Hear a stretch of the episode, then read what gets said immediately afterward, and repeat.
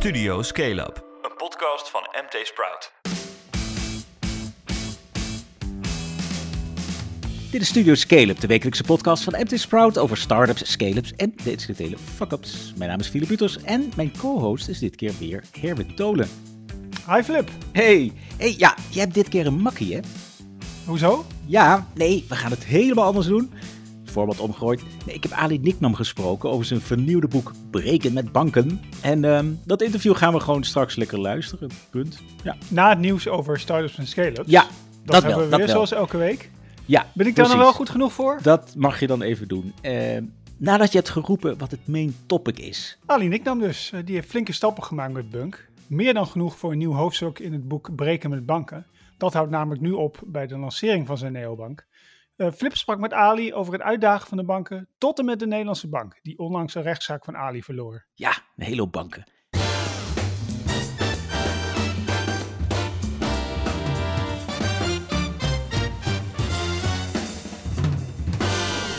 Maar eerst even snel het nieuws rond startups en scale-ups. De oprichter van cryptobeurs FTX, Sam Bankman-Fried, is opgepakt op de Bahama's. De Verenigde Staten verdenken de 30-jarige cryptomiljardair van wire fraud, oplichting via internet, samenzwering en het witwassen van geld. Daarvoor kan hij opgeteld maximaal 115 jaar celstraf krijgen, maar voorlopig verzet Bankman-Fried zich tegen zijn uitlevering aan de VS. Dan red je pakketje. Dat draaide dit jaar tot zijn faillissement ruim 24 miljoen euro verlies op een omzet van 28 miljoen. Dat blijkt uit het faillissementsverslag van curator Stefan Voermans. De bezorgdienst van Sam Roon had een kostbaar same-day delivery model en berekende een vaste prijs per pakket. Daardoor vulden de busjes zich extra snel met veel grote pakketten. Roon verkocht Red je pakketje vorig jaar in het Zweedse Instabox, maar die wilde de verliezen niet meer aanzuiveren. Pijnlijk. En het is dan toch gelukt. Beetje oud nieuws, maar wel belangrijk. De Turkse flitsbezorger Getir die neemt zijn Duitse concurrent Gorillas over. Oprichter Kaan Sumer die is vrijdag al meteen vertrokken. Getir betaalt 1,2 miljard dollar voor Gorillas. Dat is ongeveer een derde van wat het op het hoogtepunt van de quick commerce hype waard was. De combinatie wordt nu geprikt op 10 miljard. Het is de grootste in Europa, met vooral flink als rechtstreekse concurrent van belang. En er is best wel wat geld opgehaald deze week, hè Herwin? Absoluut, weer flinke deals. Even van klein naar groot. Cargaroo, dat is de verhuurder van elektrische deelbakfietsen. Ik gebruik ze zelf wel eens om naar de bouwmarkt op en neer te gaan, want we hebben zo. geen auto. Boe. Oh nee, hebben 10 miljoen yeah, euro- goed zo. ja, zie je, duurzaam. Nee, bravo, bravo. Ja, Ja, Eh, Cargaroo heeft 10 miljoen euro opgehaald om uit te breiden naar meer steden, ook in Europa. Het geld komt van participatiefonds Duurzame Economie Noord-Holland, de Sharing Group, Fairtree Elephant Ventures en een paar leasemaatschappijen. Ja, heerlijk. Ik had vroeger zelf een bakfiets toen de kinderen klein waren. De kinderen werden steeds groter, maar ik bleef lekker fietsen met kratjes bier en televisies, kerstbomen. Niet elektrisch, toch? Nee, zeker niet. Nee, nee, nee, ik ben geen millennial. Sorry. Ja, dat is misschien de kift, maar nee, in mijn tijd had je nog geen elektrische bakfietsen, jongelui. Insurtech Alicia Insurance heeft 7 miljoen euro opgehaald bij Volta Ventures, Randstad Innovation Fund en Achmea Innovation Fund. Alicia verzekert ZZP'ers en dat doet het embedded, dus via andere online platformen als Temper, Roamler en Headfirst. Wedo, een start-up die software maakt waarmee bedrijven de klantreis managen, heeft 12 miljoen euro opgehaald. Het geld komt van Blossom Capital, 20VZ en Angels, waaronder Snowflake-oprichter Jeroen Nieuwenhuis. En de klapper van de week, die was voor Muse. M-E-W-S. Dat haalde maar liefst 185 miljoen dollar op om door te groeien met zijn hotelsoftware. Medeoprichter Matthijs Welle zegt in het FD dat het negen maanden heeft gekost om de deal los te krijgen. Ja, dat valt ook niet mee tijdens corona als je iets met hotels doet. Maar nu gaat het allemaal go, go, go. Ehm Kinnevik en Goldman Sachs Asset Management, dat worden zijn nieuwe aandeelhouders. Door naar het main topic, Ali. Hij is met Bunk de uitdager van de bankenwereld en is boven alles de meest gedreven ondernemer die wij kennen. Ali Niknam. Het is alweer vijf jaar geleden dat het boek Breken met banken uitkwam over zijn avonturen met Bunk. In de tussentijd is die neobank uitgegroeid tot een unicorn. Dus Ali vond het hoog tijd voor een update. En voor ons is dat een prima excuus om even bij te praten met je, Ali. Welkom. Hi, thanks for having me. Ja, Als ik een beetje gek klink, ik ben snip en snip en snip verkouden. Dus het ligt niet aan je audio, Nee, precies. En met je nek gaat het ook niet goed. Je hebt een stijve nek. Nee, het- het- het wordt een oude man. nou, nog niet zo oud als ik, dus eh, ik heb nog een klein voorsprookje. Maar ik moet wel meneer Diknam tegen je zeggen, want nee. ehm, een tijdje geleden heb je zelfs een Louis Lifetime Achievement Award gewonnen? Dat ja, is dat was dan wel weer bij mijn oudere leeftijd. Denk ik. Dit is net alsof je kunt terugkijken en met pensioen moet. Maar zover is het nog lang niet. hey, dat boek, ehm, dat is vijf jaar geleden voor het eerst eh, uitgekomen. Geschreven door Siebe Huizinga. Ik denk dat echt iedereen die leest, eh, die luistert, dat dat wel gelezen heeft. eh, echte start-up, scale-up ondernemers. Heel spannend en zo niet, lees hem, Ja, met precies. banken. Ja, nee, we gaan het reclame maken voor Ja, de tweede ja, druk. ja, Het gaat over de ja. eerste jaar van Bunk, hoe je het hebt eh, opgezet. Eind 2016, eh, eh, vijf jaar geleden verschenen. Ehm, als we even het verhaal bekend veronderstellen, wat, wat is nou het essentie van het boek? Waarom wil jij dat dit opnieuw en opgefrist eh, aan de wereld, eh, de wereld in wordt gezonden? Nou, de essentie van het boek was dat eh, toen wij begonnen wisten we helemaal niet zeker hoe het avontuur zou eindigen. Alleen Nee. we wisten wel dat het echt een mooi verhaal ging worden met dus een einde die we tevoren niet wisten te voorspellen. En we dachten van, nou ja, wat er ook gebeurt, laten we in ieder geval een stuk geschiedschrijving doen. En dat leek Sieben een heel, heel leuk idee. Hm. Hij vond het ook, hij, we zijn ook persoonlijk vrienden. En eh, hij wist dat ik hiermee bezig was. En eh, hij, hij wilde dat heel graag doen. Want hij dacht ook van, ja, eh, ja, die Ali en die maloten, we weten niet wat er gaat gebeuren. Maar er gaat Ja. in ieder geval wel iets gebeuren. Nou, Ja, het leek een ideaal eh, plan, een bank beginnen, toch? het, het leek een idioot plan. een bank, Eh, ja. Achteraf gezien snap ik ook wel eh, dat het eigenlijk wel een idioot plan was. Maar goed, dat is een ander verhaal. en hij liep dus mee. En het boek eindigde met dat we uiteindelijk na jaren zwoegen en dat persoonlijke drama, staat al in het boek hartstikke leuk breken met banken, ehm, eh, we de vergunning kregen. En eh, inmiddels zijn er een aantal jaar voorbij. De eerste druk, die vrij groot was voor een eerste druk qua aantallen, Hm. eh, was inmiddels een paar weken geleden eh, op. Oké, Dus ze waren helemaal uitverkocht. ja. En we dachten, nou, laten we van de nood een deugd maken. Laten we voor de tweede druk ook een extra hoofdstuk toevoegen. Het maakt het net even wat leuker. Ja, precies. En het extra hoofdstuk, eh, daar komen we dadelijk op. ehm, want dat gaat natuurlijk over de, het, het, nou, het unicorn verhaal. Dat, dat gaat over die deal die je eind vorig jaar hebt gesloten. Hè? Dat was Ja. eh, de, de investering van Pollen Street Capital. eh, in ruil waarvoor je die MKB-kredietbank, de Ierse bank Capital Flow, hebt overgenomen. De geconstrueerde deal, er ging eh, 193 miljoen links. Jij legde ook nog eens 50 miljoen bij. Maar de essentie, het eind van het liedje was in ieder geval toen dat Bunk 1,6 miljard waard was. Daarmee een unicorn en jij miljardair, zeg maar. Dus dat is een beetje een, een happy end aan die tweede editie, hè? Eh, ja.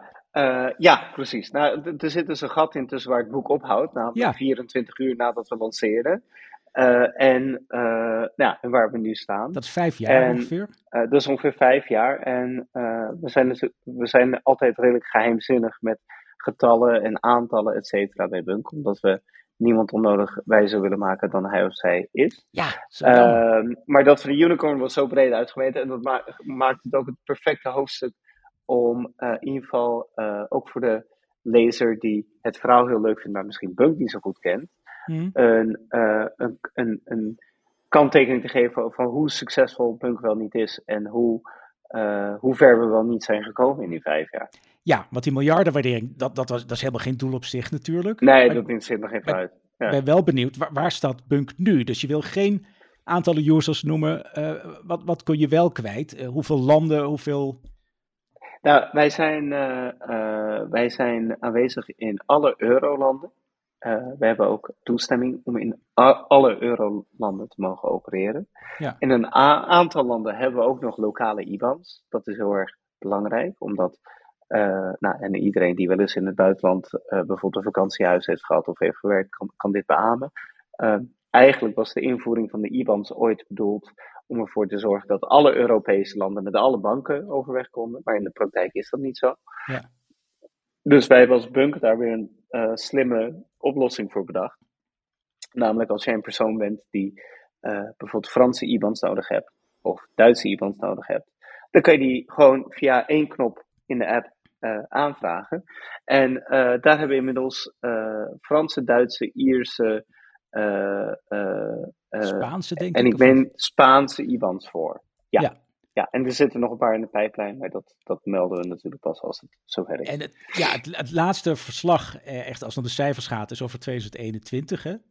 Ja. Toen was de balans totaal meer dan een miljard. Ja, het aantal, ja. aantal users, de laatste keer dat jullie communiceerden was geloof ik 2019 heb ik teruggekregen. Toen was het, was het meer dan een miljoen of zo. Maar je zegt echt niet uh, of dat nu naar 2 miljoen is doorgegroeid. Wij, wij hebben nooit een aantal users gecommuniceerd sinds het begin van... Okay. De enige keer dat we dat hebben gedaan is dat we gezegd hebben dat er binnen 24 uur 5000 gebruikers waren gesigned of zo. Actief. Uh... Uh, uh, ja, dat was een lancering. En dat was de eerste en de laatste keer dat we iets over het aantal gebruikers hebben gemeld. Oké, okay, en, en dit jaarverslag gaat weer over 2021. Wat kun je zeggen van wat er in 2022 bereikt is? Ik zag toen nou, iets van 360 is... FTE. Is, is Bunk als organisatie verder gegroeid?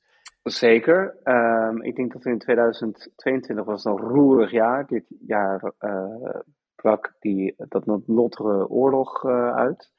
Verschrikkelijk ding wat nog steeds gaande is. We zouden het bijna vergeten. Um, en uh, dat had niet alleen een persoonlijk drama tot gevolg, maar ook een drama op de beurzen. Mm-hmm. Uh, en dus ook toegankelijkheid van geld en allerlei plannen, et cetera. Uh, dus het is uh, ook wat dat betreft weer geen standaard jaar geworden. ik denk dat Bunk het heel goed heeft gedaan. Um, want nu dat het moeilijker is, zo niet onmogelijk is, voor start-ups om geld op te halen in de markt, tot, tot vorig jaar kon je een soort van gratis geld ophalen. Ja, dat, zeker. Dat zijn we nu alweer misschien vergeten, maar je kon, uh, als je op een bierveeltje een, een plannetje wist uh, te schrijven, dan uh, kwam er, was er wel iemand met een zak met geld. Nou, dat is nu echt anders. En dat zorgt ervoor dat onze collega's het eigenlijk best wel moeilijk hebben. Want die hebben geen verdienmodel en wij hebben gewoon een in de kern een gezond bedrijf. Hmm. dus wat dat betreft is denk ik 2020 het eerste jaar van vele jaren die nog komen, waarin sommige van onze collega's het heel moeilijk gaan krijgen. Dat zijn de, de eigenlijk... neobanken of alle fintechs? Ja, al die banken die, uh, die 100 miljoen, 200 miljoen per jaar verlies leden. En die, ja. Uh, ja, die alles gratis weggaven. En, uh, ja, zo. Dus wat denk je, dat jullie, jij bent, nou ja, omdat je het ook deels zelf financiert. Ik neem aan 2022 zal ook niet winstgevend zijn. Zeker niet. Nee. Uh, maar kom, kom je dan in die top 3 terecht? Want fintechs worden flink afgewaardeerd. Hè? Klarna, ja. min 80 Ja. Uh, checkout, min ook drie kwart eraf. Maar, lo en behold, Revolut lijkt het aardig te doen. En ja. 26... Heeft, heeft, heeft die, Revolut heeft geen uh, ronde gedaan, toch? Wel. Nee, zeker. Maar die, die blijkt wel uh, overeind te blijven wat, wat, wat de waardering betreft. Dus krijgen we dan een soort top 3 ja, je, in Europa, met, met punt je, erbij, hoop je dan? Als je, als je geen uh, ronde doet, dan, uh, dan word je ook niet afgewaardeerd. Nee, precies. Dus dat is makkelijk. ja. uh, Bunk is nu al de ene grootste in Europa. Even voor jouw informatie. Ja. dus ik denk, ja, de, de, vraag is, om, om jouw vraag te beantwoorden, de vraag is over vijf jaar, wie is er dan nog? Ja. ja. En uh, voor anderen kan ik niet spreken, maar Bunk is er dan in ieder geval nog. Ik denk Ja. dat dat misschien een, een, een belangrijker antwoord is op, Ja, op wat je. want we hebben het wel over een bank en mensen moeten een bank kunnen vertrouwen. Ja. Eh, aan de ene kant wil je vernieuwing en je wil niet altijd papierwerk en je wil gewoon je zaken zelf kunnen regelen via je mobiele telefoon en geen gedoe. Eh, maar aan de andere kant, ja, het, het is wel je geld. Dus je wil ook dat vertrouwen dat er goed mee wordt omgesprongen, dat mensen weten wat ze aan het doen zijn. Ehm, en ik denk dat we die balans bij Bunk heel goed weten te bewaren. Dus aan de ene kant hebben we heel veel vernieuwing, en aan de andere kant hebben we eigenlijk een beetje de saaie degelijkheid van, Ja. van de traditionele banken. die continuïteit. En dan zeg jij, Ja, ik ben nummer ja. twee, maar op basis waarvan ben je nummer twee? Nou, wij hebben eh, vorig jaar hebben we een overname gedaan, Tricount. Ehm, eh, die hadden destijds, nu veel meer, maar destijds eh, dacht ik vier- 4,5 miljoen gebruikers. Mhm. Dus op basis daarvan werden we de ene grootste in, eh, in Europa. Maar tel je dan niet, niet eh, appels en citroenen bij elkaar? Want, want dat was een, een soort betaal-app à la eh Tikkie. Dus die heeft heel veel Mhm. gebruikers, maar niet, die bankieren niet via eh Tricount, maar doen dat via eh, andere banken. Dus die Mhm. kun je toch niet optellen bij jouw eh bankklanten? Nou, dat, eh, eh, dat, is een, eh, dat is een verre vraag. Dat, dat weet ik niet. Ik bedoel, eh, ik weet dat sommige van onze collega's, eh, iedereen die de app downloadt, Ja. tellen als gebruiker. Ja, precies. En dan krijg je weer de dus- active monthly users en dat soort En, dingen. en Ja. dan weet ik veel wat. Dus wat er in de industrie gebruikelijk is, is hoeveel gebruikers je op je platform hebt. Hmm. Nou, die definitie hebben we aangehouden. Ja. En volgens die definitie, die dus onze collega's ook gebruiken, zijn we de enige. Ja, precies. En dan ga je dus net eh, N26 voorbij en dan, dan zit je achter Revolut. Nee, Re- nee net na N26. Revolut tellen we niet als Europese speler, omdat Oh. zij eh, in de UK zitten. En eh, Oh ja, ja, ja, na de brexit. Ja, ja, en de Ah, Brexit. Ja, oké. Ja, dat telt weer veel makkelijker. En wat natuurlijk die commer- commerciële opportunity van TreeCount was natuurlijk dat je die klanten een beetje zou kunnen converteren met een lelijk Ja. woord. Hè? Dat, dat die Ja. ook bunk, echt bunkgebruikers worden. Lukt dat een Ja. beetje? Ehm, nou, bij, ons uitgangspunt is altijd om het gebruikers naar de zin te maken. En wat we met Tricount eerst aan het doen zijn, is. eh, want met een van mijn andere bedrijven, TransIP of Ja. zoals dat nu heet, eh, hebben we heel veel ervaring met overnames. Hmm. En eh, een van de dingen die ik geleerd heb daar, is dat je ook de tijd moet nemen om en je nieuwe gebruikers te leren kennen, en ook om dingen netjes te integreren. Nou, dat zijn we met aan het doen. Op het moment dat dat af is, dan biedt dat de Tricount gebruikers heel veel nieuwe mogelijkheden. Dingen die we via Bunk vandaag de dag kunnen, eh, wat in Tricount nog niet zit. Ehm, en van daaruit gaan we kijken wat eh, verstandig is om te doen. Ja, precies. En of ze dan eventueel eh, echt gaan bankieren, tenminste in ouderwetse termen, dat ze echt geld Ja. stallen, dat ze transacties rechtstreeks via jouw eh, platform doen. Ja. ja. Ja. Nou, dat Ja. klinkt heel slim. En al met al, het, het is niet zo, het, het zijn moeilijke tijden, dus zit er wel nog groei in voor Bunk in, in Ja, heel 2022? erg. Ja, we groeien hartstikke hard. Ja, we- ik weet niet of je het toevallig laatst zag, maar eh, eh, twee weken geleden hebben we eh, de rente als eerste Oh ja. weer flink verhoogd. Ja. Door de 1%-grens heen. Yes. Dus omdat we gewoon snel en dynamisch zijn en ook technisch kababel, kunnen we dat soort dingen de hele tijd Ja. ook doen. En dat levert ook weer downloads op en echte klanten. En dat levert downloads op. En maar belangrijker, dat levert onze gebruikers een voordeel op ten opzichte van traditionele banken. Het gaat me niet altijd om, om kosten of om andere dingen, maar je weet gewoon dat je bij Nee. Bunk altijd goed zit. Ja. Dat we altijd aan het kijken zijn hoe we onze gebruikers, eh, eh, hoe we daar iets aan kunnen bijdragen. Ja, en een precies. dat, die drive waar ik het over had, van jou als ondernemer, echt nou, niet ten koste van alles, wel ten koste van je eigen bankrekening en soms ten koste van, van personeel. En, maar je wil die bankenchallenger zijn. Ben je nou eh, een beetje op weg naar, naar ja, wat jouw uiteindelijke doel was? Dus jij, jij wil gewoon laten zien dat bankieren toegankelijker kan, makkelijker, eh, moderner, Ja, we, we, flexibeler. wilden, we, wilden een aantal, eh, we wilden een aantal doelen bereiken. We wilden laten zien dat we ook eh, onbekende nieuwe mensen een bankvergunning konden krijgen. Nou, Mhm. dat, dat is gelukt. Daarmee hebben we de deur op een, op een kier gezet. Eh, N26, Revolut, al die mensen hebben eigenlijk gebruik gemaakt van het werk wat de Nederlandse Bank en Bunk samen hebben gedaan. Wij hebben Hmm. president geschapen in Europa, dat is één. We wilden twee. Wat we, het tweede wat we wilden was eh focussen op daar waar je als mens dagelijks mee te maken krijgt. Eh, namelijk betalen en dat op een slimme manier doen en op een andere manier doen en op een manier doen waarop jij in staat gesteld wordt om controle over je geld te hebben en om te begrijpen wat er gebeurt. Traditionele banken verdienen geld met rente en dus is het in hun belang dat je rood gaat staan of leningen neemt of Ja. eh, weet ik veel wat. Nou, bij Bunk is dat anders, want wij bieden een dienst aan. Dus wij hebben een app gebouwd die heel anders is dan traditioneel. Je kan heel makkelijk budgetteren, je weet waar je geld heen gaat, je kan automatisch over potjes verdelen. Ja. Eh, we rekenen geen wisselkoersopslag, we doen eh, eh, allerlei dingen met beveiligen. Nou, al die dingen die doen we zodat jij controle hebt over je digitale geld. Een beetje hetzelfde gevoel als dat je vroeger had met je portemonnee, dat je de briefjes kon voelen, dat was dan voor jou. En daar, daar kon je dan op mee. Dus dat is ook gelukt. Ja. Eh, en het eh, derde eh, wat we wilden en willen, is van Bunk een speler maken van formaat that is here to stay. Zodat we die invloed, omdat we juist die innige band met onze gebruikers hebben, Ja. zodat we die invloed niet alleen nu, maar ook voor de komende decennia kunnen blijven uitoefenen. Nou, daarvoor hebben we een, een eh, eh, businessmodel gemaakt en eh, een abonnementsmodel geïntroduceerd, waardoor we in de kern financieel gezond zijn. Hmm. Ehm, en ik denk, maar het als een tipje van de sluier oplichten, uh, dat, het, dat dat het komende jaar misschien wel zichtbaar gaat worden ook. In 2023? Ja.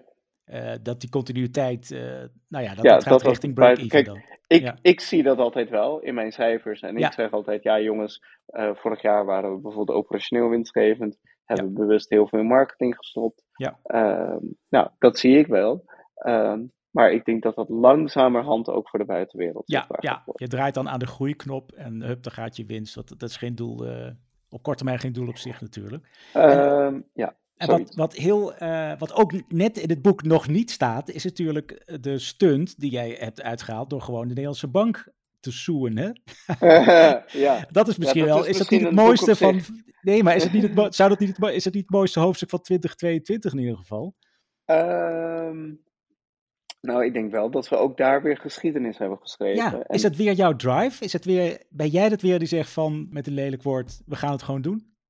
Ja, ik, ik denk dat de mensen die bij Bunk zitten, zeker de eerste garde, diezelfde drive hebben. En ik denk dat het waanzinnig is op vele fronten. Uh, het is waanzinnig natuurlijk dat we van alle spelers, dat de allerkleinste, de allernieuwste, degene met de minste resources, degene met de minste, uh, dat die weer uh, zeg maar de degens moet kruisen. Dat slaat natuurlijk nergens op, want zowel financieel als qua tijdsbeslag is de impact van zo'n DNB-rechtszaak uh, uh, voor ons vele malen groter dan die, ja. dan die grote jongens.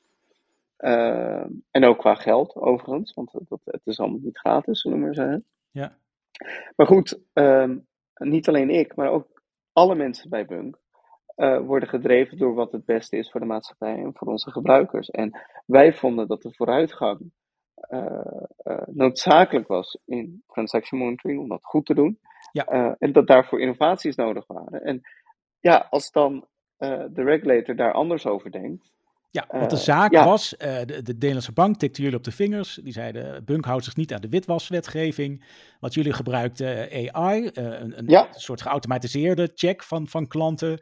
En de Nederlandse bank zei van nee, daar moeten ze een formuliertje voor invoeren. En waar nog een paar nee, dat. Nou, het is, het, is, uh, het is allebei geautomatiseerd. Hè? Alleen de ene was rule-based en ja. wij deden het dan op basis van artificial intelligence. Ja. En uh, uh, um, voor een rule-based methode moet je inderdaad van tevoren invullen. Ik ben Pietje, ik ga mijn rekening gebruiken om te sparen of om, weet ik veel, Ja. mijn salaris op te ontvangen, et cetera. En daarvoor zeiden we ja, maar voor het AI-model is dat helemaal uh, zinloos, want het AI-model kijkt naar 500 datapunten uh, zonder dat je het weet. Ja. En, uh, Uiteindelijk heeft het college van beroep voor het bedrijfsleven heeft gezegd van nou, je mag wel die technologie ja, toepassen. Wat heel belangrijk is, waardoor, ja, Ja. precies. Wat in één keer de deuren openzet. Niet alleen binnen Nederland, maar in heel Europa en misschien Ja. wel de wereld. Want ik heb ook signalen gekregen uit de VS en uit New York. eh, van hey, dat was echt een eh, fundamenteel moment. Eh, en dat betekent dat, eh, dat er ruimte wordt gegeven voor de mensen die het goed willen doen, om het ook beter te doen. En jij hebt daarbij eigenlijk alle andere banken in de wereld, dus eigenlijk al jouw concurrenten, in Europa in ieder geval, Geholpen. een enorme dienst bewezen. Ja, Ja, maar het allerbelangrijkste is dat wij de samenleving, dus jij en ik, en jouw buurman, en mijn buurman, en buurvrouw, et cetera, de allergrootste dienst hebben. Kijk, die banken die zullen me wat, dat, dat, dat maakt mij niet zoveel uit. ja. Maar wij als mensen gaan hier profijt van hebben. ja hoe dan? Ehm, want dit beperkt gewoon vooral de kosten. Je moet wel nog wat meer eh, je best doen op het eh, kijken waar, waar de bron van het geld vandaan komt. Hè? Je bent niet helemaal van alles eh, vrijgepleit, zeg maar. hè? Ja, dat, dat, dat ging. Kijk, ik heb altijd gezegd: wie onschuldig is, werpt de eerste steen. Natuurlijk. Ja. Ik bedoel, wij maken ook fouten, daar heb ik nooit moeilijk over gedaan. Zeker, we zijn nieuw. Die Ja. gasten, die andere banken die het al 200 jaar doen, die, die doen het fout. Hè. Die zijn krijgen van de 800 Rabo. miljoen boete of meer dan miljard. Precies. Ja. Nou, wij Ja. maken ook fouten, prima. Waar we het fout doen, doen we het fout. Dat was niet het punt van de discussie. Het punt van de discussie was dat we voor dit stuk zeiden: we, ja, jongens, wat jullie ons nu dwingen te doen, leidt tot minder goede resultaten dan als je deze technologie zou. Dus hoe zijn eh, wij daar mee toepassen. geholpen als maatschappij?